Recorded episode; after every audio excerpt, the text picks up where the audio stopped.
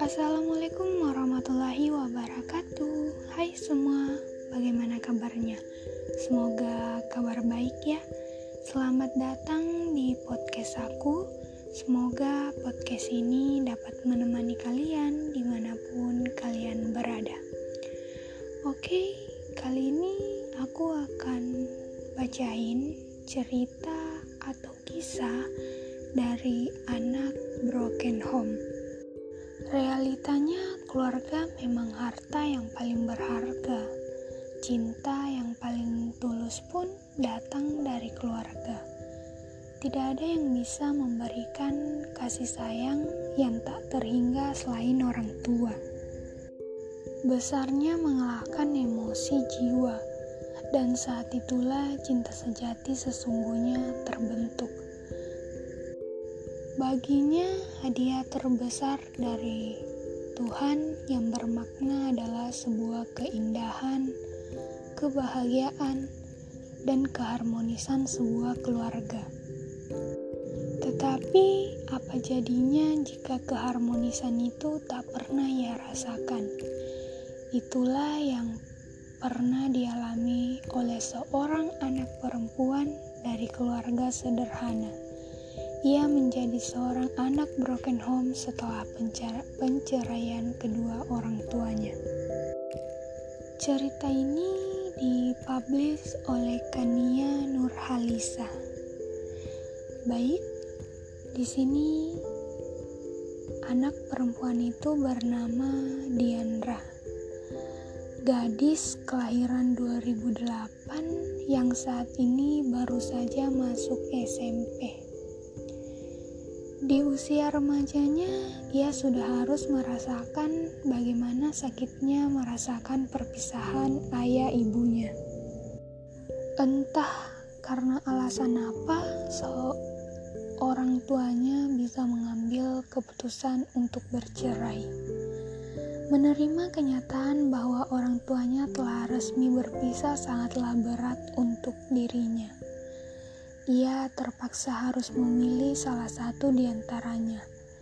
Bersama siapa dia akan tinggal. Dan itu merupakan pilihan sulit untuk Diandra. Tapi sesulit apa pun itu, ia harus bisa mengambil keputusan. Keputusannya, ia memilih tinggal bersama ibunya.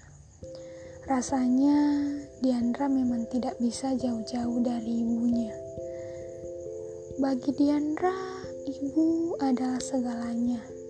Dirinya dan sang ibu tidak akan bisa dipisahkan oleh apa pun kecuali kematian. Tetapi berpisah dari ayah pun sangat berat dan menyakitkan untuknya. Ya, bagaimana tidak?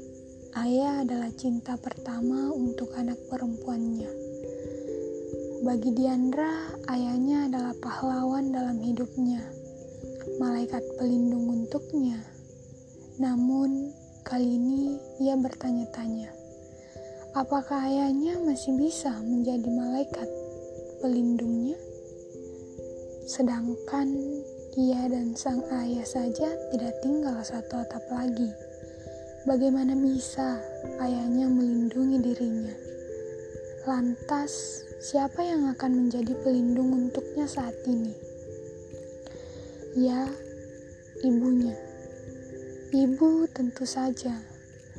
Tapi, apakah ibu sudah cukup untuknya?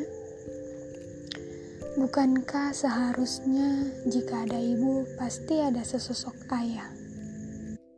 Karena mereka memang memiliki peran dan tanggung jawabnya masing-masing dalam sebuah keluarga. Seorang ayah sangat berarti bagi anak perempuannya. Begitupun seorang ibu. Sebagai orang tua, mereka seharusnya saling melengkapi satu sama lain untuk membesarkan dan mendidik anak-anaknya bukan dengan lebih mementingkan egonya masing-masing. Lalu, bagaimana jika mereka berpisah? bagaimana dengan nasib anaknya? Jika ditanya bagaimana perasaan Diandra saat ini, sudah pasti hatinya hancur sekali. Diandra menjadi anak broken home, di mana itu akan menjadi sesuatu hal yang akan terus membekas dalam hidupnya. Bahkan yang lebih mengerikannya lagi untuk akan menjadi trauma untuk dirinya. Entah mengapa sampai saat ini Diandra masih belum bisa menerima penceraian kedua orang tuanya. Dirinya masih terpuruk meratapi nasib menjadi anak broken home yang sejujurnya tidak pernah ia bayangkan sama sekali. Dia selalu berdoa dalam sujudnya. Ya Tuhan, apakah keluargaku masih punya harapan untuk bersatu kembali? Jika memang masih, aku mohon Tolong persatukanlah kembali ayah dan ibuku agar kami bisa seperti dulu lagi. Menjadi sebuah keluarga yang utuh dan bahagia. Rasanya aku tidak sanggup jika harus terus menyaksikan kehancuran keluargaku. Aku benar-benar tidak sanggup. Tolong kasihanilah aku Tuhan. Kasihanilah keluargaku. Aku mohon kabulkanlah doaku. Sebuah doa yang selalu dirinya panjatkan kepada Sang Pencipta. Dia masih memiliki harapan besar untuk keutuhan keluarganya. Diandra sangat ingin agar ibu dan ayahnya bisa rujuk kembali. Ia merindukan suasana rumah yang hangat, lengkap, dan penuh canda tawa. Dari cerita ini, banyak pelajaran yang dapat kita ambil. Yang paling mendasar yaitu bersyukur. Kenapa kita harus bersyukur? Karena masih banyak orang di luar sana masih belum bisa merasakan kebahagiaan dalam keluarga. Di luar sana, mungkin banyak anak yang keluarganya tidak bisa merasakan kebahagiaan.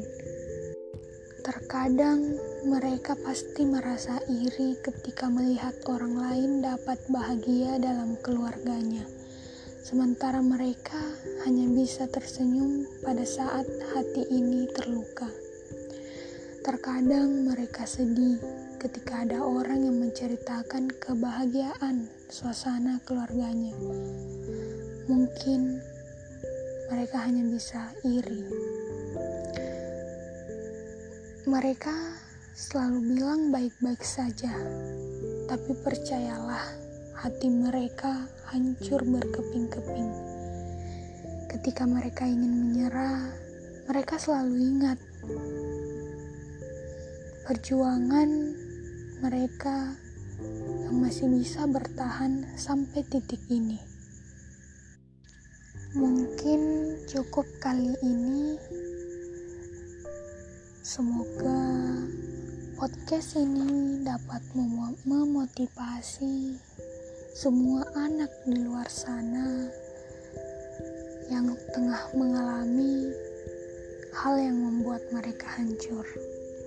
Pesan aku, jaga kesehatan, jangan lupa bahagia. See you di next podcast. Bye bye. Assalamualaikum warahmatullahi wabarakatuh.